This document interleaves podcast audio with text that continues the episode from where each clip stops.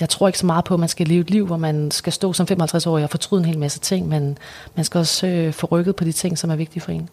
Så derfor så var jeg bare øh, rigtig, rigtig heldig med at, at få børn i en relativt sen alder. Velkommen til podcasten om topchefernes beskæftigelse, karrierevalg og ambitioner på tværs af forskellige industrier og brancher i Danmark. Undervejs hører vi om deres karriere, udfordringer og synsvinkel på chefrollen. Velkommen til Thomas og Cheferne. Det at skabe, sige ja til ting og udnytte mulighederne har været nøglen til min gæst hurtige stigning i graderne. Min gæst i denne episode er en arbejdsom kvinde fra Vejle, som tidligt i sit karriereforløb havde behov for at prøve kræfter med journalistik. Blot 14 dage efter hun startede på Journalisthøjskolen, bankede hun på døren hos musikmagasinet GAFFA og scorede sig et studiejob. Min gæst lever sit liv i nuet og tror også på tilfældighederne. Hun har aldrig planlagt, at hun skulle sidde som topchef i en alder af 34 år. I dag er hun chefredaktør for Politiken, som er en af landets største og ældste aviser. Velkommen til dig, Anne Mette Svane. Tak. Anne Mette, du må love mig at lige tage dine chefredaktør briller af i forhold til at få testet mine journalistikevner af.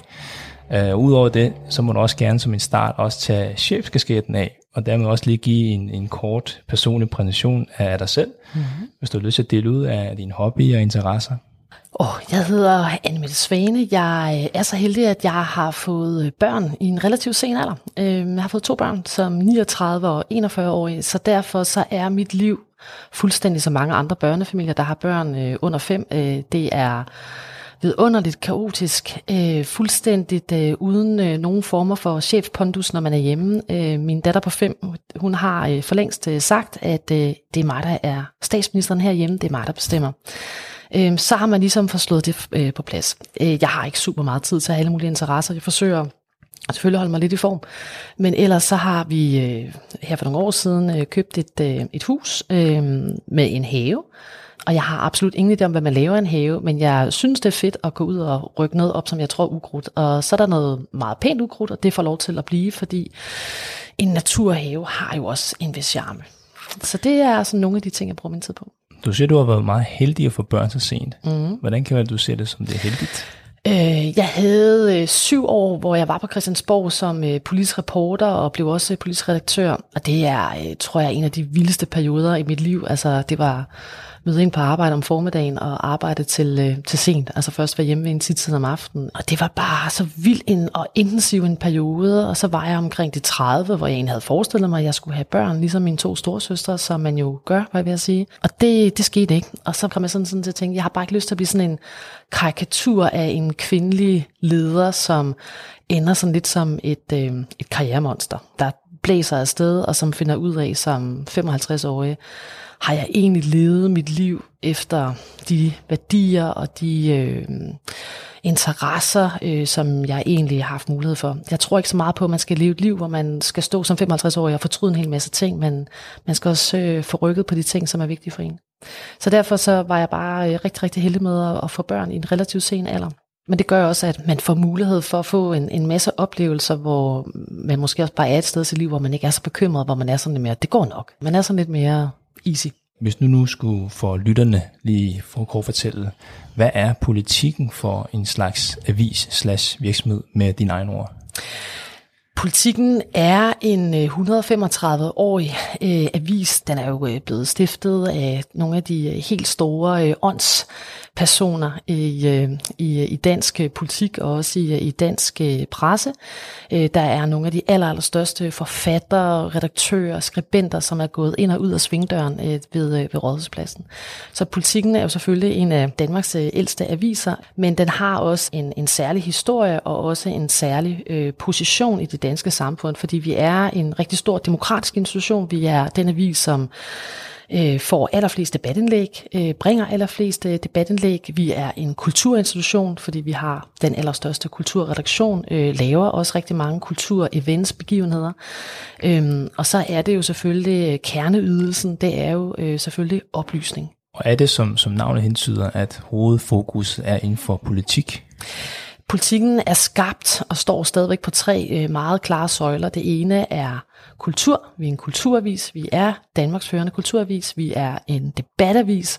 Og så er vi selvfølgelig også en politisk avis, forstået på den måde, øh, altså hele samfundsdebatten, øh, nyheder, politik, international politik, men det rummer jo også alt fra vores klimafokus til, øh, øh, til forbrugernære historier, det rummer ligesom det hele. Så det er ligesom de tre søjler, politik, kultur og debat.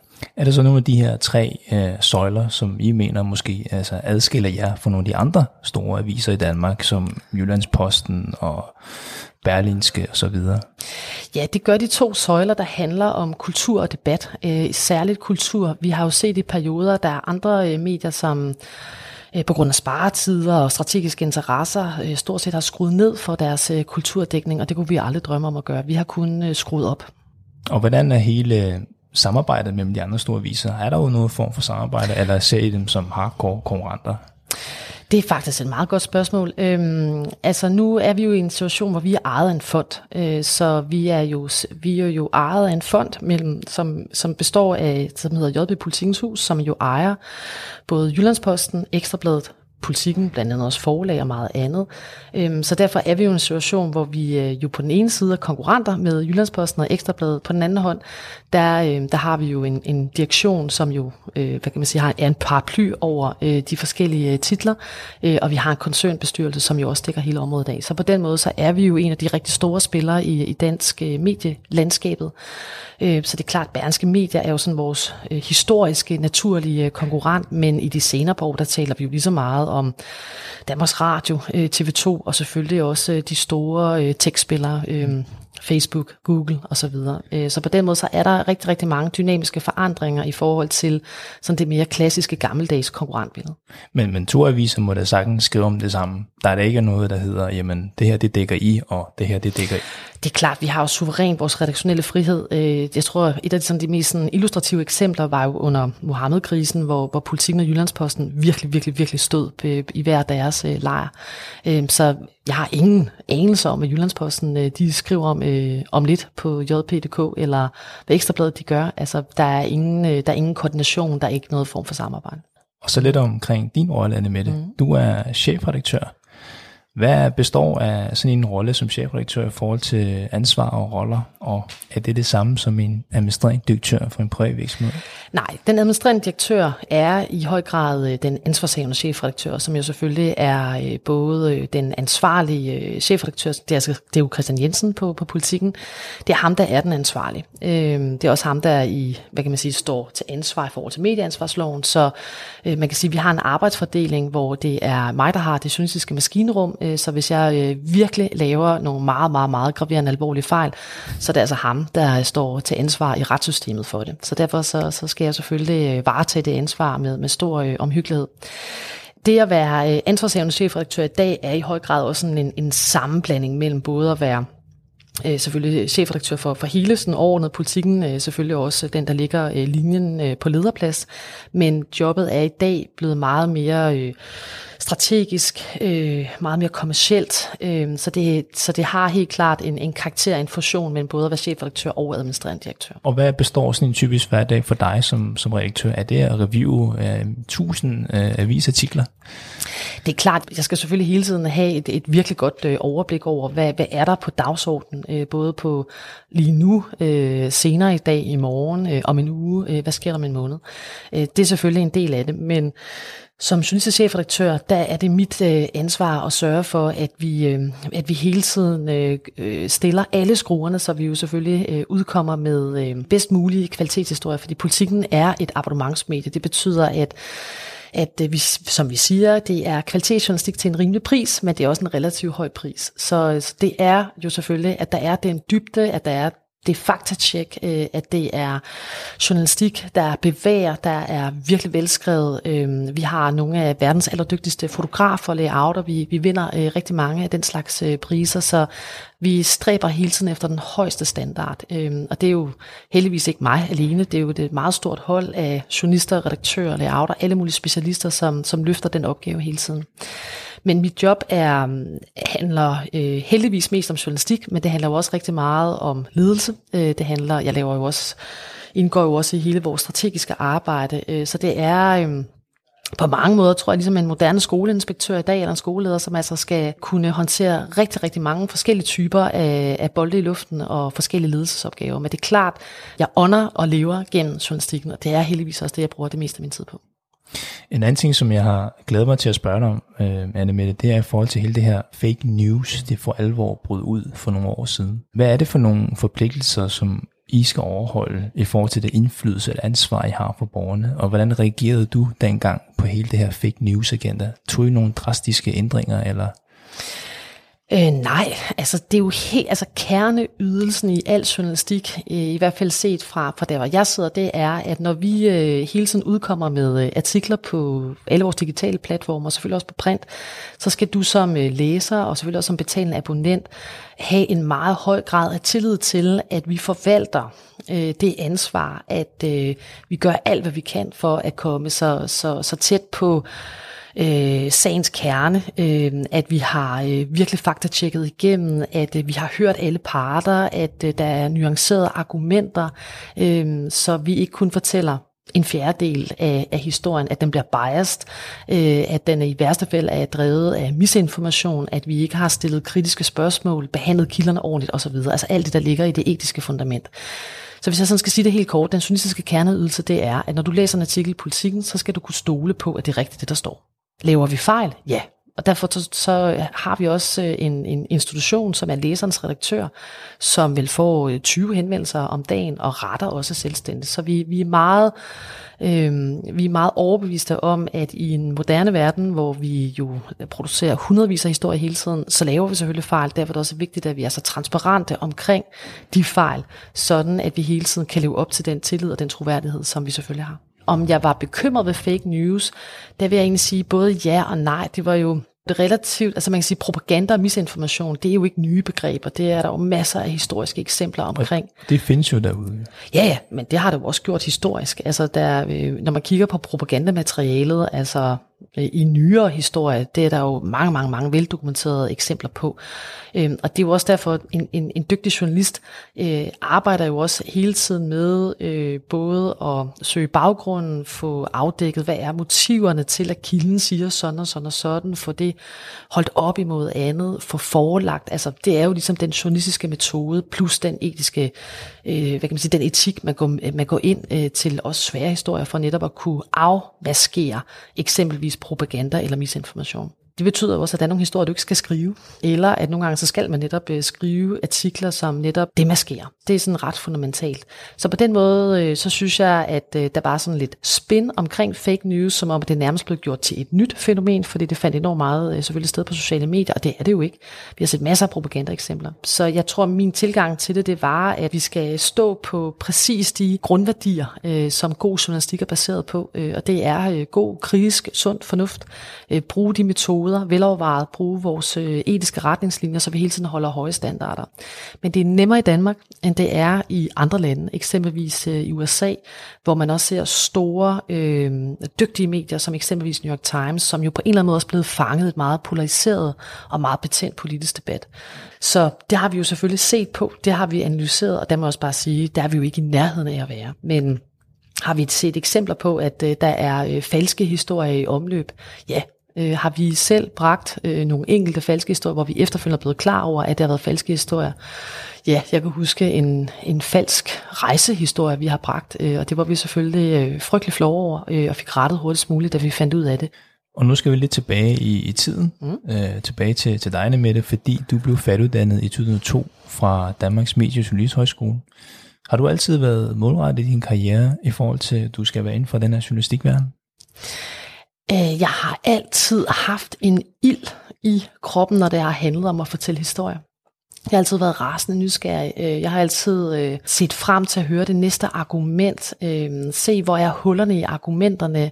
Øh, det at være journalist er jo simpelthen, synes jeg, jo det mest fantastiske job, man kan have i hele verden, fordi du får lov til ikke bare at være øjenvidne til nogle af de der historiske brud, som historikere kommer til at skrive mange bind om, og mange år.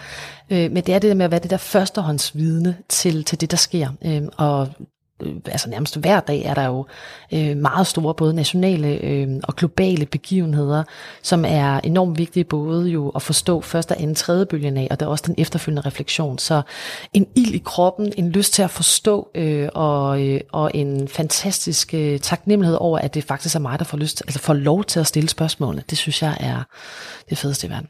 Men hvor kommer det fra? Nu sagde du, at du havde nogle søskende også. Altså, hvor kommer det fra?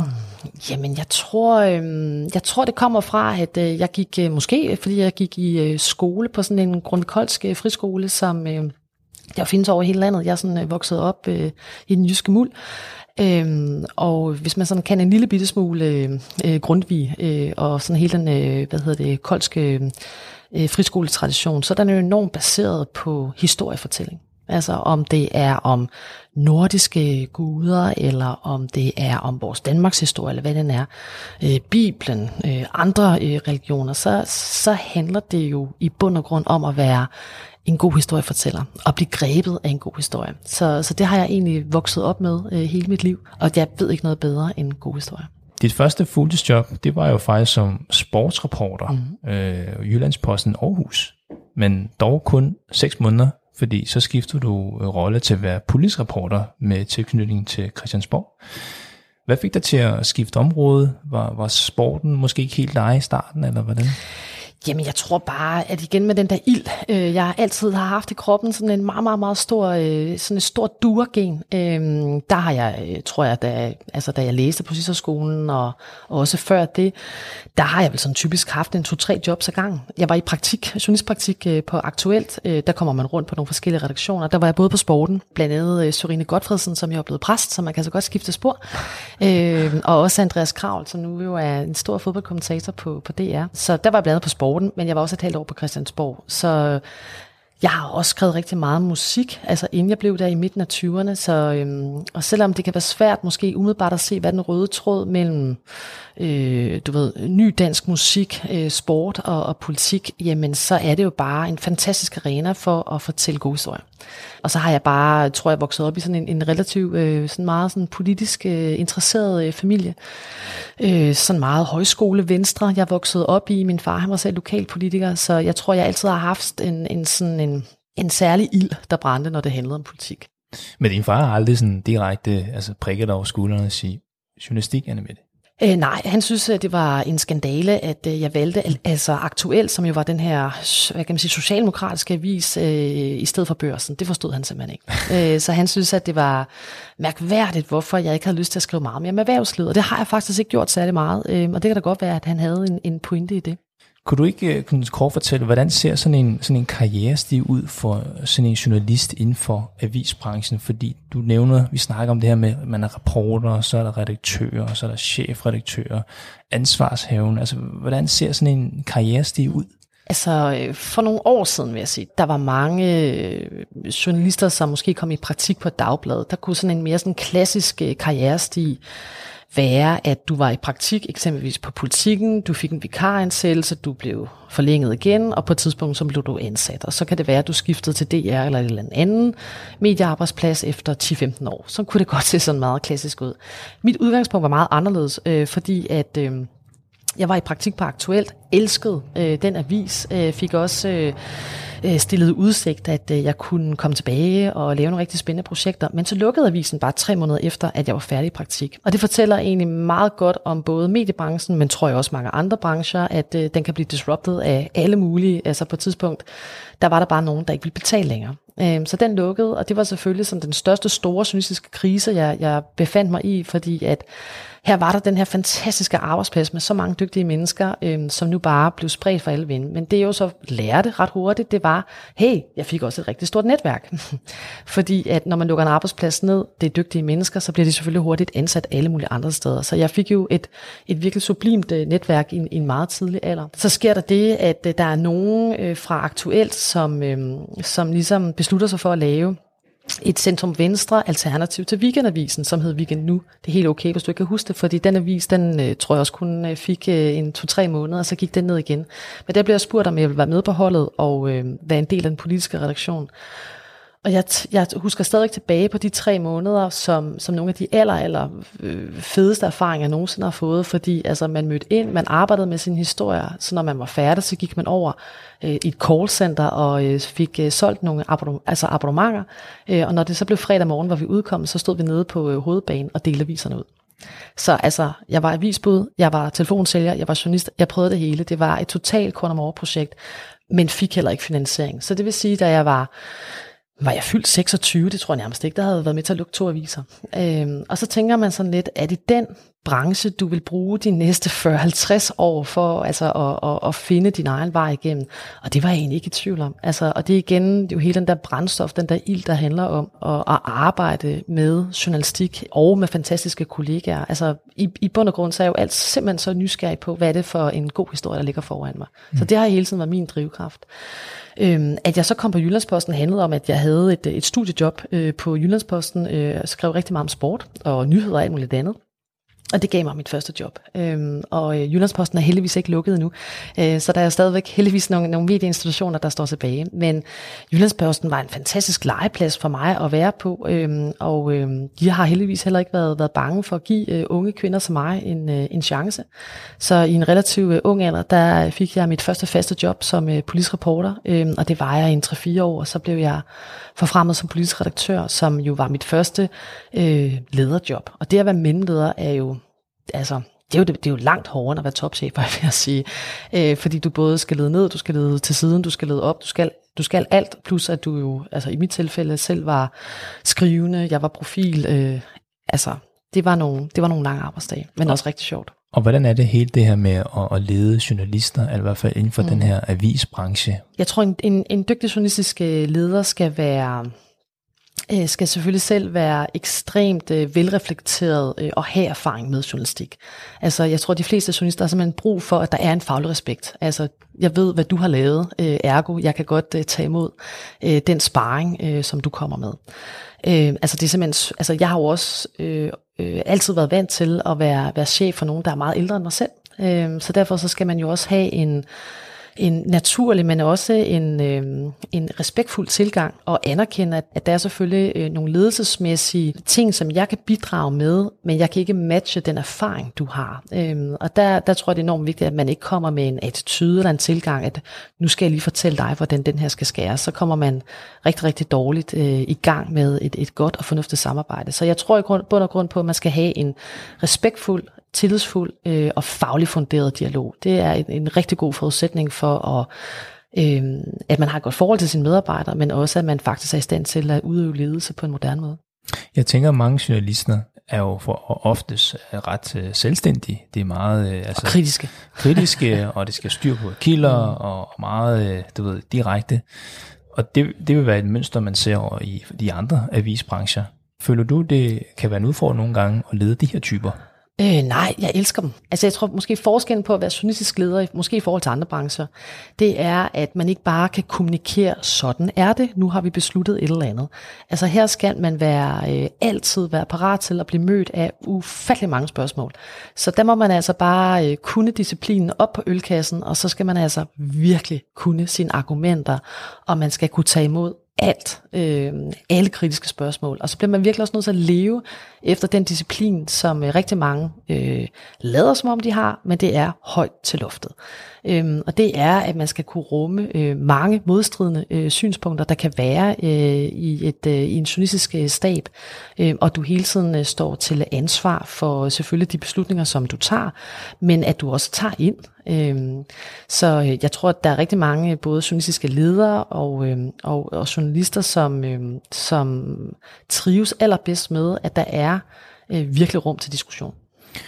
Og så lige tilbage til det her med, med karrierestigen. At hvis jeg nu som en ung journalist kommer ind og arbejder for dig i politikken, kan jeg så se en, en klar karriere stige med, med de forskellige titler foran mig? Jamen først så er jeg reporter, og så bliver jeg måske øh, hvad hedder det, redaktør, og så bliver jeg indlandschef? Eller? Altså nej, det kan du ikke regne med i dag. Der er konkurrencen blevet langt hårdere, og det er øh, desværre også meget sjældnere, at vi øh, bare kan ansætte i bunder. Øh, sådan er det desværre ikke længere. Øh, så det er måske en, to af de virkelig, virkelig aller, aller, aller dygtigste, som øh, vi har mulighed for at, at arbejde videre med. Så derfor så er der ikke mere sådan en, en, en slagen øh, karrierevej på den måde. Øh, nu har vi vi har vel omkring øh, 20 øh, journalistpraktikanter, fotoelever, som øh, fast er på politikken. Øh, og det er jo også, synes jeg, sådan reflekterer sådan meget, øh, meget sådan godt tidsånden, at i stedet for, at de får sådan en, en, en slutevaluering, og tak for nu, at så beder de meget mere om karriererådgivning. de vil hellere sådan have, have sådan mentorship. Øhm, og det er jo fordi, at det er et meget mere øhm, rodet arbejdsmarked. Øh, det kan være, at de skal have nogle år, hvor de både lever nogle drømme ud, tager ud og rejser. Øhm, det kan være, at de har en korrespondent i maven. Det kan være, at de har en iværksætter i maven. Det kan også være, at de bare hurtigst muligt vil have et vikariat. Der er vildt meget forskel på, øh, hvad de drømmer om. Og så oplever jeg egentlig også, at der er, at der er flere og flere, som gerne vil læse videre, altså gerne have mere viden. Øh, fordi mange journalister er jo også generalister, så man vil rigtig gerne have mere at kunne byde på. Så jeg synes egentlig, at rigtig mange unge er ret, øh, er ret afklaret med, at der ikke er en en, en forberedt karrierestige foran dem, at de skal meget mere ud til at skabe det. Hvad vil det være for nogle KPI'er, som, som jeg som journalist vil blive mål på, for, for at kunne komme derop? Altså i forhold til at, at give nogen uh, mulighed for at blive redaktør? Hvis jeg nu gerne vil ønske at være chefredaktør en dag? Jeg vil uh, heldigvis sige, at det ikke kun handler om at leve op til nogle uh, KPI'er. Man skal jo også være skide heldig og være på det rigtige tidspunkt, øhm, og kunne mange forskellige former for discipliner. Altså det, øh, altså det, det er jo en sandhed, at du kan have nok så dygtige journalister, der kan vinde priser og muligt andet, men som øh, er meget, øh, meget øh, dårlige chefer. Øhm, så, så man kan ikke sådan lave et schema, man kan stille op, og hvor du ligesom kan sidde og tjekke af. Så når jeg ligesom har opnået øhm, øh, 10, øh, 10 point, øh, fuld score, fuld plade, så kan jeg blive chefredaktør. Sådan er det ikke. Og det tror jeg heller ikke, at, at, at der ligger i spørgsmålet. Det er blevet meget mere udfordrende, meget mere kompleks at være øh, chefredaktør eller være redaktør i en moderne medievirksomhed, fordi vi leverer på mange flere platforme. Vi leverer hele tiden. Øh, vi arbejder meget mere... Øh, øh, detaljeret med meget specifikke målgrupper. Så man skal både være analytiker, du skal være en dygtig journalist, du skal have strategisk forståelse, du skal være dygtig til at organisere, du skal hele tiden arbejde med forandring ledelse, du skal hele tiden se, hvor er det, jeg kan effektivisere arbejdsgangen. Så man skal kunne rigtig mange forskellige discipliner, øh, og det er meget markant anderledes end for bare 5-10 år siden. Og så lidt tilbage til dig igen, Anne Mette, fordi i 2009, der skulle du videre, fordi der blev du hentet til mm. politikken som indlandschef. Men den stilling, den varetog du nemlig også kun i, i tre måneder, før du blev forfremmet til nyhedschef. Øh, den derværende Anders Krab Johansen tog så videre. Hvordan kan det lade sig gøre at komme ind i en ny øh, øh virksomhed, og så efter tre måneder allerede blive, blive forfremmet? Kan man nå at skabe så stort impact på tre måneder? Åbenbart, men det ved jeg ikke, det har jeg, det har jeg faktisk aldrig spurgt om. Altså, jeg er heller ikke sådan en, der har behov for at sætte mig i sofaen og få at vide, hvad gjorde jeg godt. Altså, der stoler jeg egentlig mere på, jamen, øh, jeg har jo været simpelthen så heldig og privilegeret, og selvfølgelig også øh, på grund af hårdt arbejde og talent, at der hele tiden har været nogen i min karriere, som har troet på, at jeg kunne nå et, et, et nyt og et næste niveau, før jeg selv var klar over det. Øhm, og så har jeg jo bare heldigvis øh, aldrig været så bange for at bare sige ja. Og noget, der er endnu mere vildt og fascinerende, det er et år som nyhedschef i politikken, så blev du så en alder af 34 år udnævnt som chefredaktør. Den stilling, du har i dag. Hvordan var hele det her, altså er udnævnelsesprocessen, hvordan foregår det? Øh, er det, man, man stiller op med nogle kandidater, nominerer man nogle journalister, hvordan, hvordan bliver man chefredaktør? Øh, nej, og der er stadig meget af den proces, som jeg faktisk ikke kender til. Det var Tør Seidenfarten, som øh, udnævnte mig som øh, journalistchefredaktør. Om han har haft andre kandidater, og hvordan, hvad han har gjort sig overvejelser, det ved jeg faktisk ikke. Det har jeg heller aldrig spurgt ham til. Men øh, man kan sige, at jeg var på en lang prøve, fordi jeg var konstitueret som, som nyhedschef igennem en længere periode, så på den måde kunne han jo også se, om jeg kunne stå distancen, om han kunne se, om jeg kunne lægge mere til, om der var et, et udviklingspotentiale. Øhm, og det må han jo have, have følt sig overbevist om, siden at han gav mig muligheden for det. Hvordan havde du det med at være chef i en alder 34, i forhold til at, at skulle lede nogle ældre og forholdsvis nyansat i en, i en ny virksomhed? Jamen, jeg tror ikke, jeg nogensinde har tænkt særlig meget over det. Ikke andet end det, jeg også fortalte om, den øh, bevidsthed om, at når man er en ung leder, øh, og man øh, hele tiden øh, øh, arbejder med ældre, dygtige øh, medarbejdere, jamen så er det at have den her respektfulde, tillidsfulde øh, tilgang, øh, og virkelig have den her, også den her faglige bagage med sig. Så og på det tidspunkt, der havde jeg jo allerede været chef øh, siden slutningen af 20'erne, så det var jo ikke sådan en ny disciplin, at jeg ligesom øh, øh, skulle teste af. Det var selvfølgelig bare på, hvad kan man sige, fra, fra et højt niveau. Jeg tror egentlig bare, jeg, jeg gik bare i gang. Altså, jeg er ikke sådan en, som, som, som tænker, åh, kan jeg nu finde ud af det, eller jeg kan jo heller ikke det og det og det, og må jeg nu? Altså, det, der har jeg nok øh, bare altid været øh, vildt privilegeret over, at jeg har haft altid en enorm stor øh, tro på mig selv, øh, og som jeg kan huske, øh, Tøre også øh, sagde til mig, jamen hvis der er nogle øh, meget specifikke øh, ting, som du har brug for at, at vide, eller blive uddannet i, så skab det. Så gå ud og få den viden. Mm. Så der var jo enormt øh, gode muligheder for, at, at jeg også kunne øh, præcis øh, få den opkvalificering og efteruddannelse, som jeg gerne vil have. Og nu har du været chefredaktør i over 10 år. Ja. Hvad har dine største udfordringer været?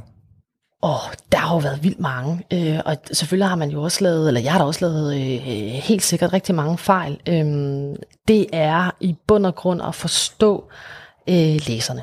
Altså, øh, det giver jo ikke nogen mening at have øh, store øh, professionelle medier, hvis vi ikke forstår, hvem er det, vi skal være noget særligt for.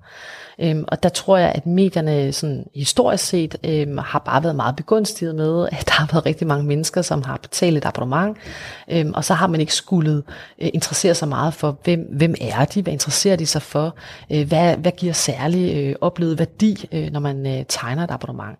Så på den måde, der er vi meget, meget, meget, meget fokuseret på at forstå, øh, hvem er det, vi skal være noget særligt for, øh, hvad er det, de interesserer sig for, med hvilken tilgang øh, skal vi gøre det. Og det synes jeg måske er noget øh, af det, der har været den allerstørste udfordring, og det er ikke fordi politikken har skiftet mange af deres læsere ud, men politikens traditionelle printlæsere øh, bliver jo selvfølgelig hele tiden ældre, så det at forstå et, et meget yngre og et meget mere digitalt publikum, forstå den hastighed, der er i mediebilledet, og så kan man også bare sige, jamen det har jo været nogle kolossale forandringer, der er sket globalt set også øh, på hele mediemarkedet. Det har jo været nogle gigantiske udfordringer, øh, og vores digitale transformation på politikken har i perioder slet ikke gået, gået hurtigt nok. Øhm, og der er vi helt øh, et helt andet og, øh, og rigtig, rigtig øh, positivt sted i dag, men også at forstå alle de forudsætninger, alle de byggeklodser, der skal være til stede for at lave digital transformation, som jo er noget, der giver sig selv. Så hvis jeg sådan skal sige, det, det synes jeg har været, øh, det har været den største udfordring. En øh, kendt øh, kinesisk iværksætter og, og rigmand har engang sagt, at jamen, den kinesiske arbejdskultur, den hedder 996. Altså det, det der med at arbejde fra klokken 9 om morgenen til, til 9 om aftenen, seks mm. gange om ugen, og du har jo altid... Den har jeg også fuldt. Den har du sikkert også fuldt, og fordi du har altid været en, en hårdt arbejdende kvinde, som elsker sit job. Hvis du nu kunne gå tilbage og, og vidste, at den stilling, du har nu, vil du stadigvæk have, fortryd du så, at du ikke har gjort plads til mere tid til familie, eller er der noget, du fortryder i sådan set, din karriere? Jeg har simpelthen så svært ved at svare på sådan nogle spørgsmål, fordi det strider så meget mod den person og den natur, jeg har.